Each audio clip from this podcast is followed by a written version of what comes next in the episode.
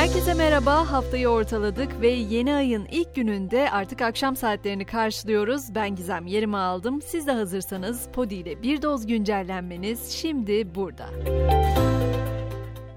Sayısal ifadesi dile kolay, gönle zor olan 45 binden fazla can alan depremlerin 24. günündeyiz.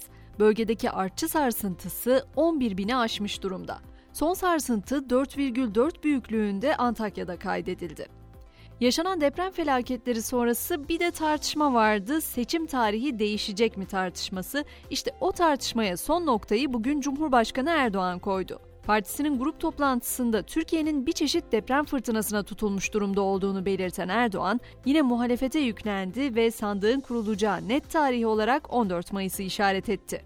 İstanbul Büyükşehir Belediye Başkanı Ekrem İmamoğlu ise İstanbul Deprem Seferberlik Planı'nı açıkladı. Kentte bu ay itibariyle güçlendirme çalışmalarının başlayacağını söyleyen İmamoğlu, bu kadim şehri depreme dirençli hale getirebilmek için her şeye sıfırdan başlıyoruz dedi. Deprem bölgesiyle ilgili bir de çocuk kaçırma iddiaları vardı. O iddiaları İçişleri Bakanlığı yalanladı. Bakanlık deprem sonrası çocuk kaçırmaya ilişkin resmi makamlara yapılan bir ihbar ve tespitin bulunmadığını açıkladı. Gelelim gündemin diğer öne çıkan başlıklarına onlardan biri EYT düzenlemesi. Cumhurbaşkanı Erdoğan'ın imzasına sunulan yasanın bu hafta içinde resmi gazetede yayımlanarak yürürlüğe girmesi bekleniyor. Maaşlar için de öngörülen tarih Nisan ayı olacak.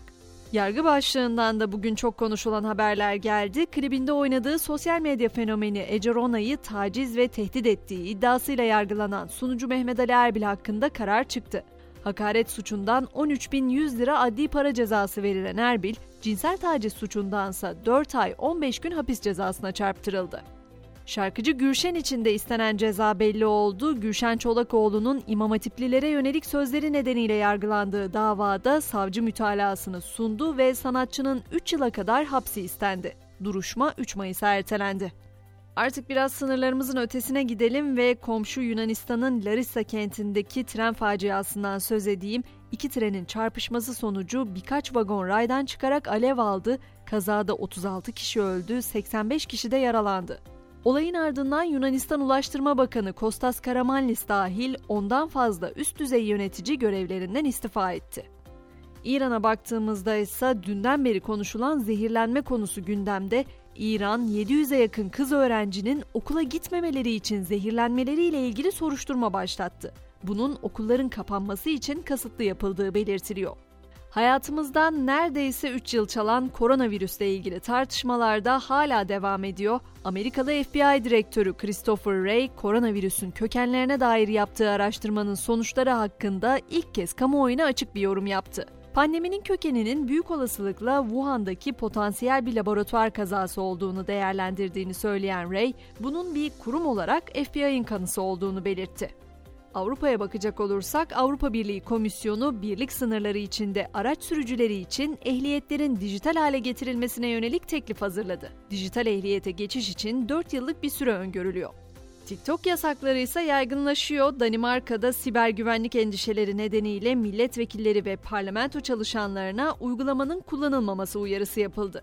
Hazır sosyal medya platformlarından söz etmişken Twitter'ın sözlü şiddete karşı sıfır tolerans politikasını başlattığı haberini de vereyim. Şiddet içeren konuşmalar için yeni kurallar açıklandı. Kuralları ihlal eden hesaplar derhal askıya alınacak. Hiciv ve sanatsal ifadelerse kapsam dışı tutulacak. Yaptığı her şeyle olay olan yapay zeka botuysa şimdi de bira üretti.